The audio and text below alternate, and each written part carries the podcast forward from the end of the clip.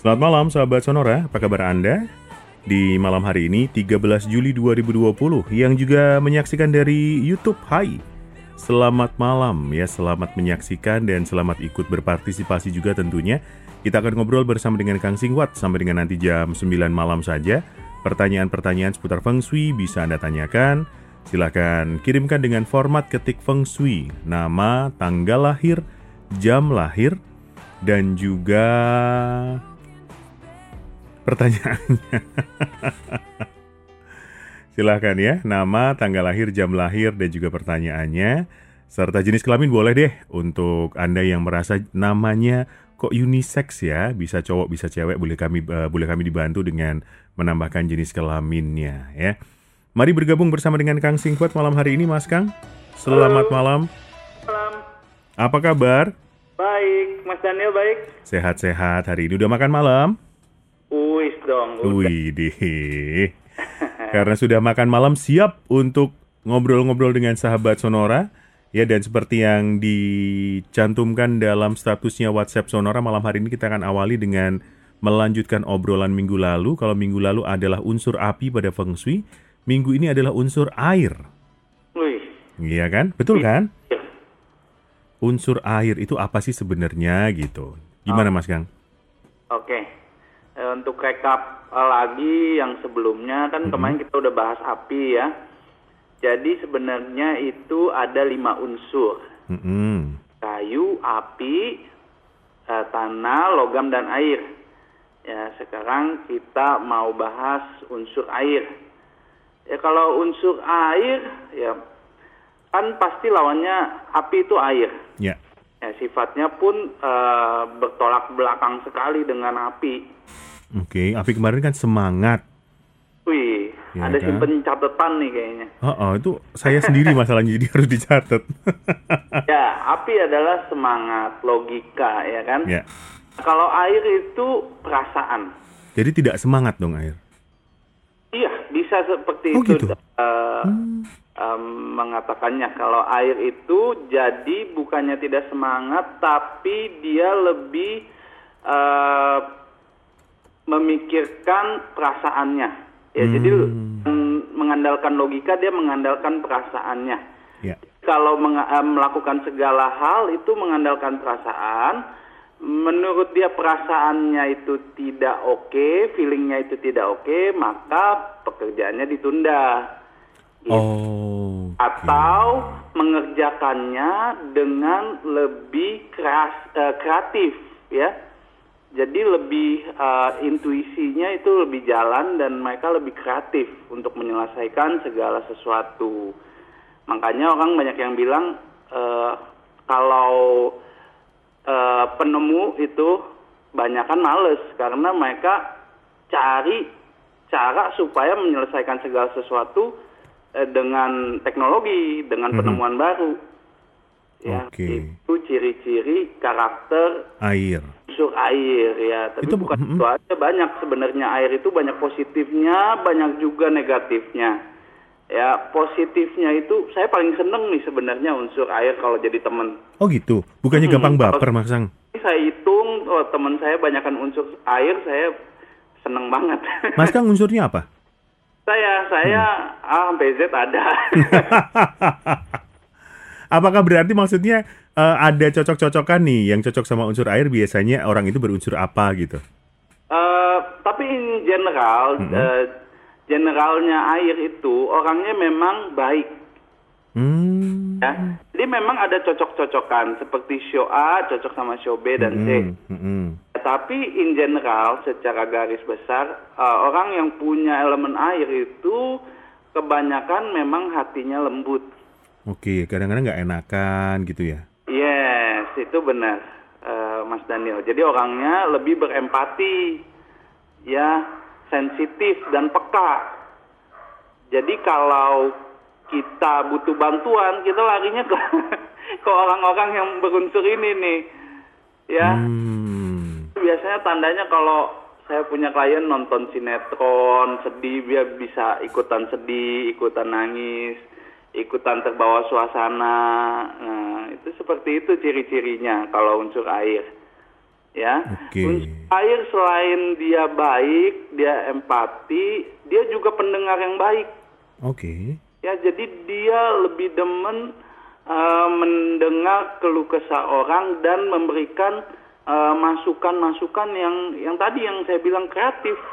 Jadi yang nggak kepikiran orang dia bisa nemu nih Ya, solusinya ya, ya. Gitu jadi banyak didemenin oleh orang lah kalau yang punya unsur air Eh, baperan nggak sih mas? Gampang tersinggung. nah itu negatifnya Oke. ini kita ngomongin positif dulu nah ini curang nih kalau Mas Daniel kalau yang api itu tanya yang bagus terus Eh perasaan api kemarin bagusnya nggak sebanyak air deh. kan saya bilang saya suka Oh, iya benar. Kalau unsur air itu selain eh, dia jago mendengarkan eh, apa keluh kesah orang memberikan masukan juga dia juga orangnya ini perenung Perenung, oke. Nah, kalau lihat orang suka ben- bengong tuh, Mm-mm. nah dia lagi memikirkan sesuatu yang kreatif. Berarti ini nanti eh, dampak buruknya adalah gampang kesurupan. Iya itu. Ini lagi-lagi lah. Lagi Nggak terima pokoknya. oke, merenung ya. Jadi dia eh, bisa memikirkan eh, ide bisnis yang berbeda dengan orang lain. Hmm, ya. Apalagi di saat sekarang ini banyak bermunculan eh, bisnis-bisnis startup ya. Mhm. Ya, jadi orang-orang yang seperti ini punya ide yang out of the box. Bisa menjalankannya nggak? Belum tentu Oke, tapi idenya selalu bi- biasanya brilian ya. ada. Hmm, Jadi kalau eksekusinya itu tergantung dengan elemen lain. oke. Ya, seperti itu. Itu positifnya. Positif. Masih ada sih, tapi kita ke negatifnya aja langsung nih. seperti bakat seninya bagus, meskipun eh, mungkin seninya bukan untuk diperjualbelikan. Mhm. Tapi, eh, bakat seninya itu selalu ada, misalnya menggambar, menyanyi, eh, seni acting itu mereka tertarik dengan eh, apa ide-ide seperti itu. Saya Iya. tertarik loh, tapi kok saya api ya? Mungkin nggak sih saya campuran api sama air? Iya, jadi nggak semua orang itu unsur a- eh, air dan api itu Oh, dominan gitu. Jadi ada beberapa, mungkin kalau saya cek juga Mas Daniel ada airnya, tapi nggak sebanyak apinya. hmm. Oh, Ngeceknya jadi gimana itu? eh, balancingnya, balancingnya kita mesti lihat eh, dari elemen yang lain juga. Oke, baik. Oh. Itu dia positif-positif dari eh, apa Unsur unsur, air. air. ya. Ya. Negatifnya setelah jeda boleh ya? Kita simpan dulu sebentar sahabat sonora negatif dari unsur air seperti apa. Mari kita pelajari bersama. Kita akan kembali setelah jeda berikut ini. Stay tuned with Sonora, a part of Magentic Network.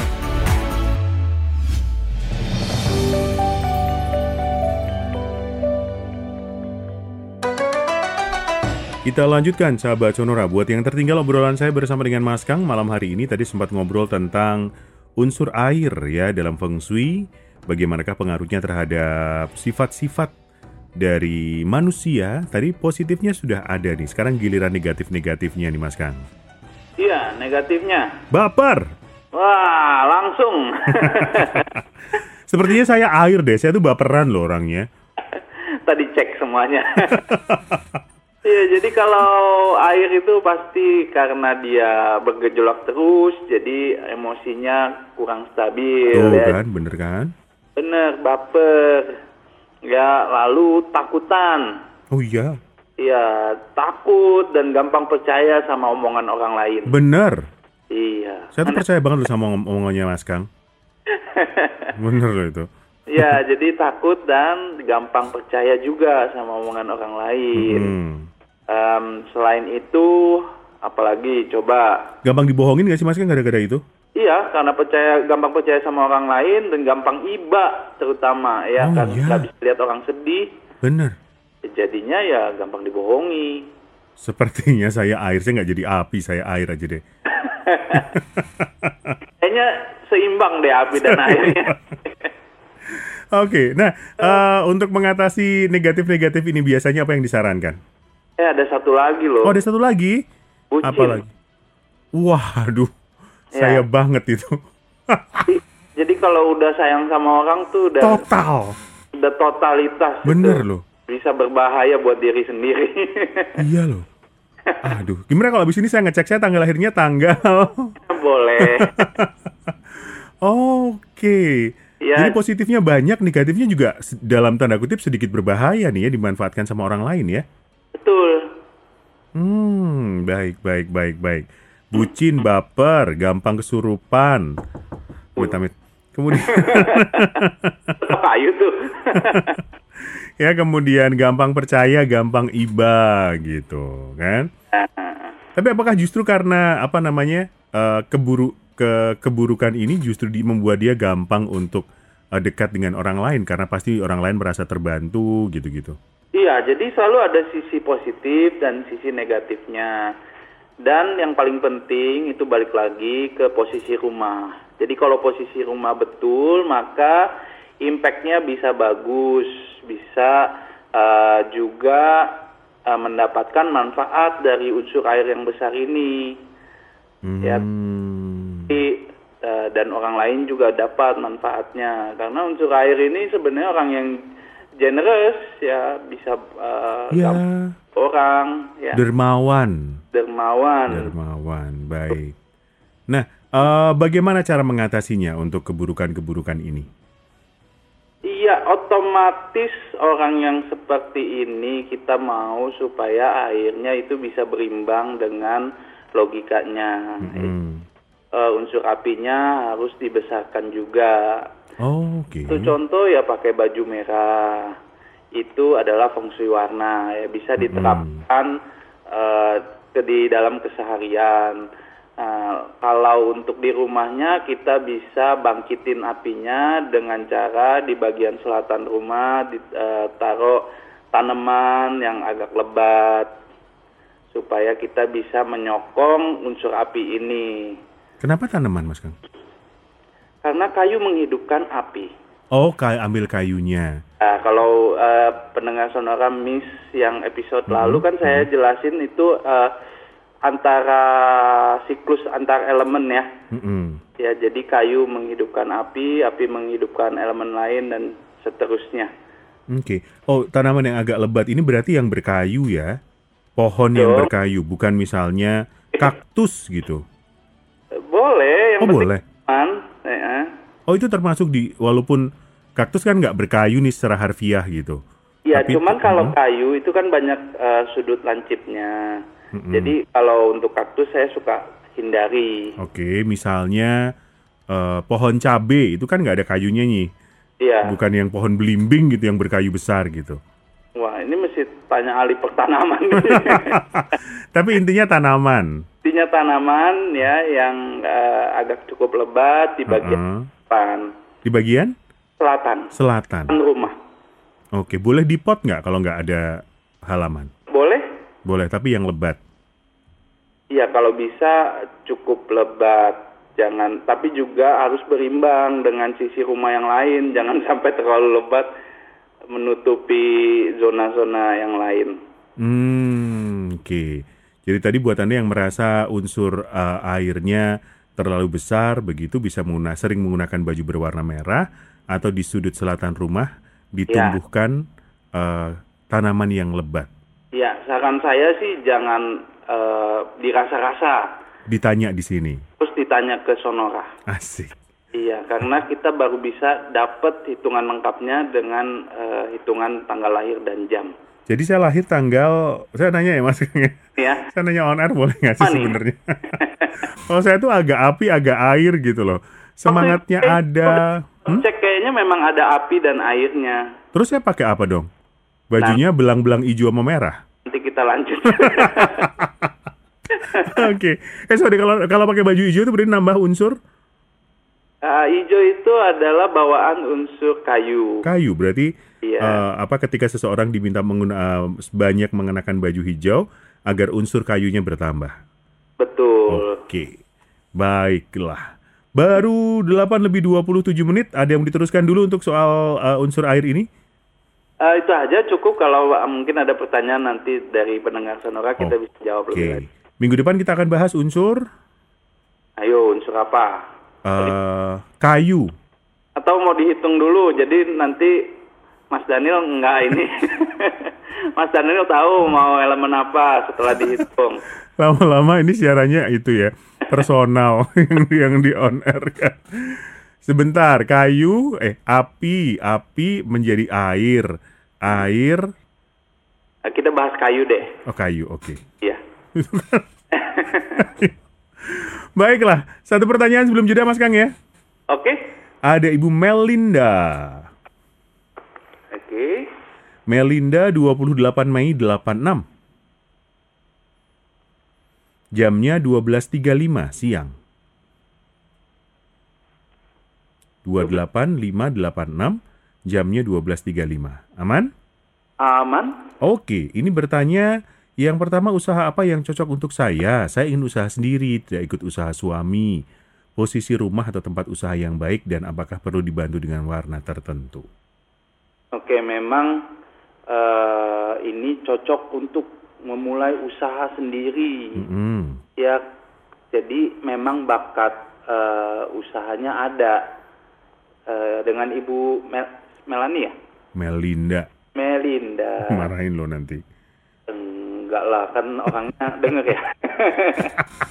Ibu Melinda Ibu Melinda harus usaha sendiri ya di bidang yang berunsur kayu Berunsur kayu, ya. ya kayu itu semua yang hasil hutan ya perkebunan Jual biji kopi, jual biji kopi betul kemudian teh atau jual kayu, ya. jual kayunya juga cocok betul Hmm. ditambahin lagi Mas Daniel Hah? contohnya aja satu lagi Eh, itu apa namanya? Jual ju- buku-buku, nah buku benar ya kan? Pinter loh saya lama-lama. nulis buku Nulis buku juga oke. iya Oke. oke ya Kemudian posisi rumahnya? posisi rumahnya saya eh, mau infokan sedikit kalau posisi rumah itu selalu hitungannya kepala keluarga tapi kalau belum menikah bisa pakai eh, posisi eh, sendiri ya Hmm. posisinya yang terbaik itu menghadap ke barat bersandar ke timur Barat bersandar ke timur ini untuk rumah dan juga tempat usaha ya. untuk eh, rumah dengan catatan Hmm. belum menikah atau Belum belum menikah. punya suami. Nah, ketika sudah punya suami, kemudian punya usaha sendiri, tempat usahanya itu ikut Bu Melindanya sendiri. Usaha ikut eh, hitungan sendiri. Oke. betul. Kalau posisi tanahnya untuk tempat tinggal ikut suami dan harus dihitung. Mhm, Kalau tempat usaha, ketika nanti buka usaha kayu-kayuan sendiri, silahkan eh, menghadap ke mana mas? Barat. Bersandar ke timur. Perlu dibantu warna tertentu? Harus dibantu warna nggak ada Nggak ya ada. berimbang tapi kalau eh, ngerjain tugas yang butuh ketepatan waktu Hmm. biasanya suka molor nih Oke. nggak kena eh, deadline-nya jadi, Jadi? Melinda harus pakai baju warna kuning atau coklat kalau dapat pekerjaan yang butuh ketepatan waktu Hmm. Luar biasa loh. Baik, baik, baik. Begitu Melinda, semoga terjawab. Kita lanjutkan setelah jeda. Stay tuned with Sonora, a part of Magentic Network.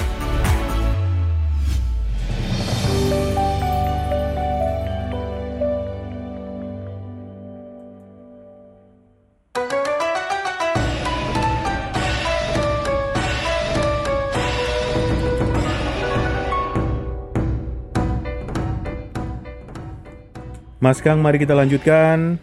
ayo lanjutkan ada Ini ada Pak Riyadi. oke Oh, tanggal 6 bulan 4 tahun 61. tanggal 6 bulan 4 1961 Jam 1 pagi. Ini pertanyaannya tentang usaha yang sesuai, warna baju, rumah yang cocok menghadap ke mana. rumah yang sesuai usaha yang sesuai Yes. Oke, wow. Wow. Ini nggak ada yang sesuai kecuali satu. Saya pikir nggak ada yang sesuai. Aku tinggal di mana kalau nggak ada yang sesuai? Bukan usahanya ini Oh, eh, usahanya. terbatas sekali nih. Kalau sampai salah ya dari dulu sampai sekarang eh, berat. Mhm. Ya, jadi harus mengerjakan bidang berunsur logam. Sebentar, saya kok agak deg-degan ya. Kita coba eh, ulangi datanya ya. 6 April 61 jam 1 pagi. Ya, Betul, betul. ya? Oke. Ya. Usahanya hanya berunsur logam. Iya, jadi kalau mengerjakan yang lainnya nah, banyak kendala tuh jadinya. Jadi nggak mencapai potensi yang seharusnya. Hmm. Ya, makanya eh, mungkin sampai sekarang pun masih bimbang apakah eh, masih di udah di bisnis yang tepat belum ya seperti itu Oke. biasanya salah. Baik, kemudian rumah. Hmm, rumah Ya. Eh, disebutkan se- sekarang di posisi apa enggak Enggak. sama Pak Yadi? Menghadap ke atas. Menghadap ke apa lehernya. Salah itu. Nggak disebutkan. nggak disebutkan ya. Jadi ini harus bersandar ke utara menghadap ke selatan. Hmm. ya, utara ke selatan. Berarti hadap selatan sandar ke utara Ya. ya. Em, ada pertanyaan lainnya untuk Baju, baju, baju, baju. baju. Wih baju nggak ada yang saya anjurin Nggak tapi- boleh pakai baju. yang harusnya dikurangi ada. Ya, yang harus dikurangi itu adalah warna hitam, biru, Oke. dan abu-abu. Oke. Jadi warna gelap semua itu harus di stop. Baik. Iya. Oke. Terima kasih Pak. Siapa tadi namanya? Riyadi ya. Jadi, Saya ke ini Fasianti, wah, pria, wanita, wanita. Fasianti, Nah, pakai F. F Fasianti, oke? Fanta Alpha Sierra India Alpha Nancy Tango India. Siap. Fasianti tanggal 12 Oktober tahun 81. 12 10 sayang. 81 jamnya 23.50. Oke. Kemudian suaminya Henry. Se, se, se.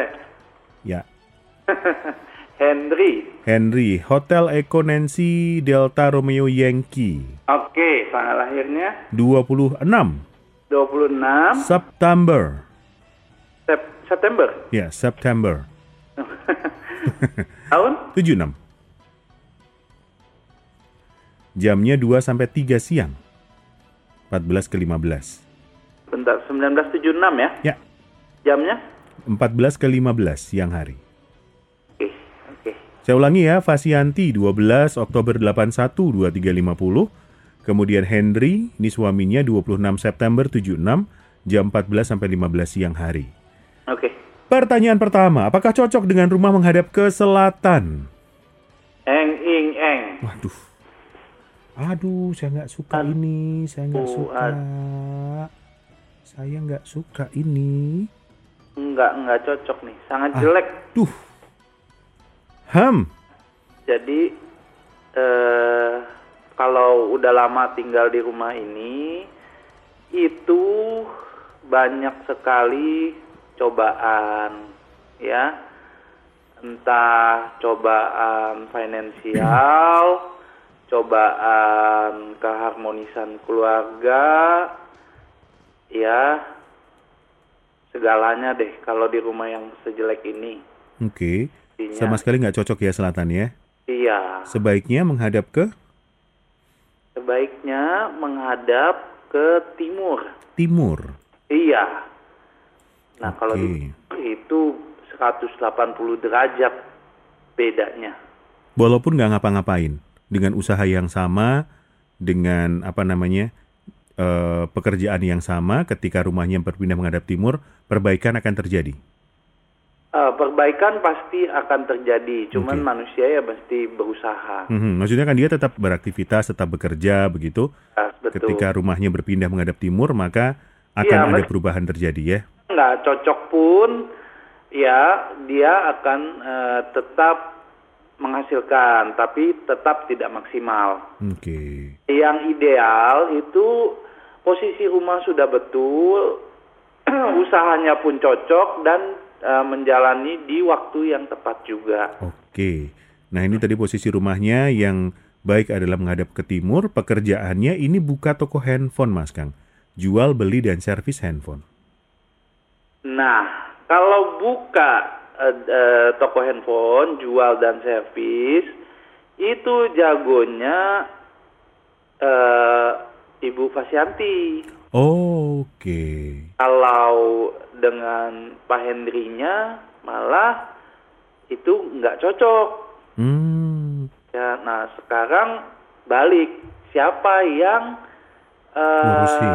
memanage, siapa yang mengambil keputusan. Saya Hmm. jadi balik nanya nih. Baik. Jadi kalau selama ini yang memanage, yang meng- mengambil keputusan adalah Pak Henry, Mm-mm. Eh, Bu Fasyanti ini hanya sebagai asisten atau eh, bantuin aja, Mm-mm. maka kemajuannya itu, apalagi posisi rumahnya nggak cocok, pasti kurang baik, Oke. ya. Tapi kalau dijalankan oleh Bu Fasyanti, eh, Pak Henry yang bantuin, itu kemungkinan menghasilkan. Ya, tapi pun rumahnya nggak cocok, jadi banyak pengeluaran yang tidak semestinya. Oke. Jadi Bu Fasianti ini adalah pekerjaannya yang cocok berunsur logam, betul ya? Ya, logam api. Logam api. Nah, Pak Iya. untuk Pak Hendrinya? Eh, Pak Henry-nya itu ada di unsur kayu dominan. Kayu dominan malah. Iya, nah Oke. tapi situasinya Pak Henry dan Bu Fasyanti ini agak tricky ya, agak eh, apa tricky? Bahasa eh, tricky itu agak membingungkan di tahun ini. Mm-mm. Ya karena ya, Pak Henry Shonaga, Bu Fasyanti show ayam. Ya kalau ternyata yang menjalankan Bu Fasyanti itu nggak bisa langsung diserahkan ke Pak Henry. Oke. Ya karena eh, untuk Bu Fasyanti kan lagi ciong tahun ini, ya tidak selaras. Nah tapi kalau untuk pindah rumah tahun ini paling bagus, jangan tunda sampai tahun depan. Oke, langkah pertama adalah pindah rumah dulu sepertinya keputusan yang baik ya. Iya, Oke, pindah menghadap ke timur, kemudian tadi usaha handphonenya karena cocok dengan Ibu Fasianti silahkan dilanjutkan oleh Ibu Fasianti. Kemudian Betul. Pak Hendrinya eh, bisa mulai dengan usaha berunsur kayu. wih 100 rangkumannya. Saya nggak butuh Kang Singfat, saya sendirian aja. Baik, nah kita akan jeda sebentar Mas Kang nanti di sesi yang selanjutnya dia ada, ada pertanyaan yang masuk lewat YouTube yang live di YouTube-nya Sonora akan saya bacakan nanti setelah jeda ya. Oke. Siap, kita jeda sebentar sahabat Sonora. Stay a part of Magentic Network.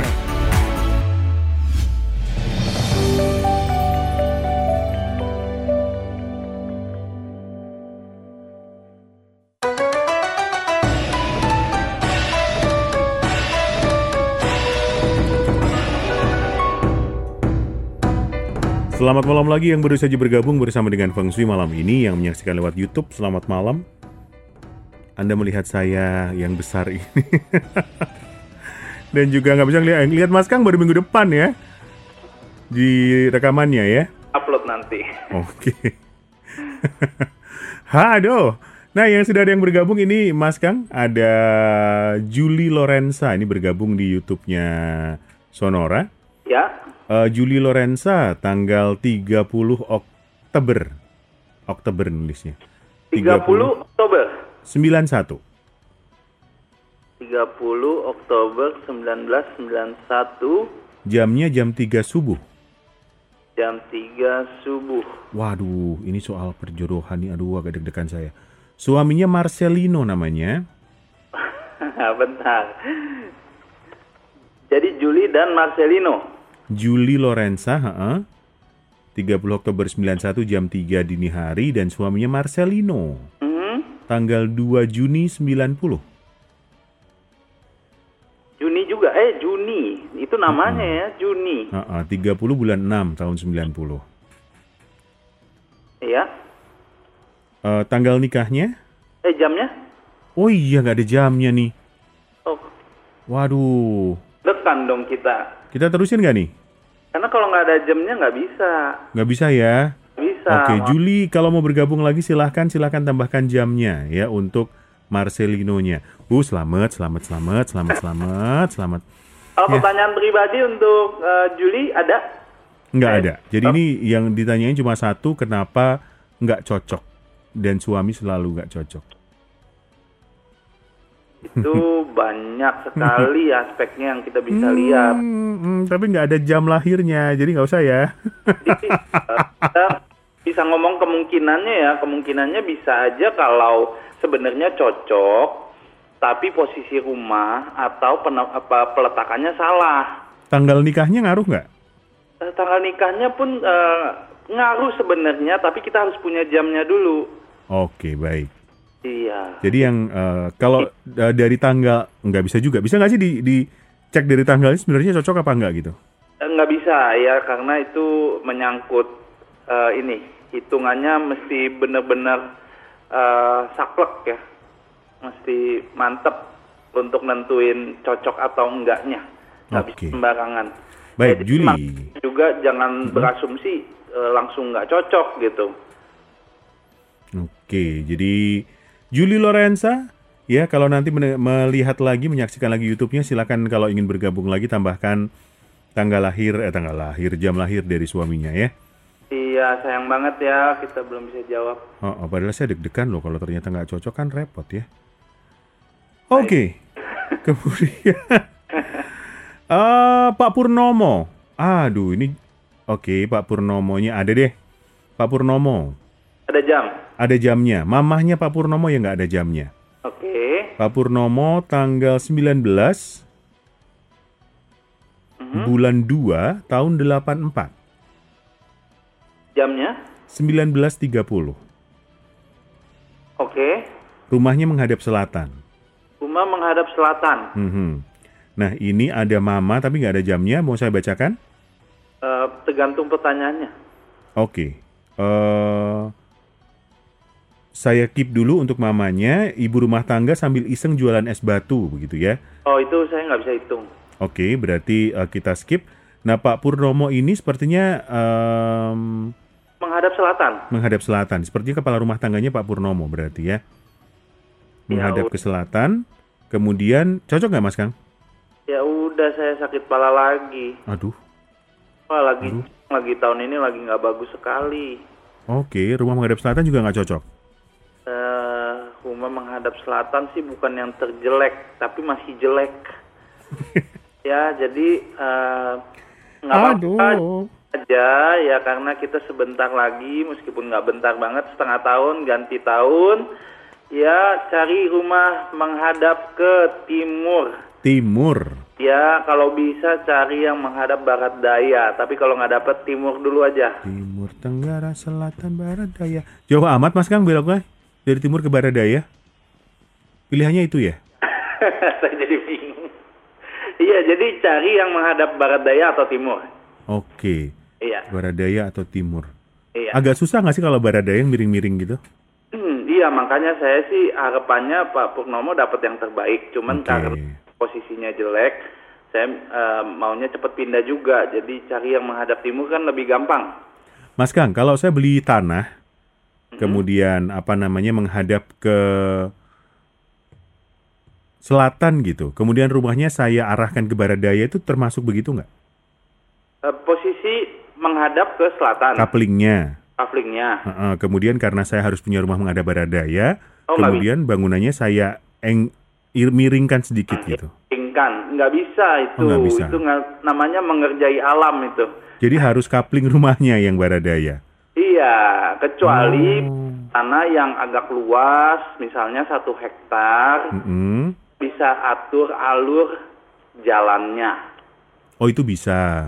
bisa Jadi rumah yang gede gitu, halaman eh, tanah yang gede gitu.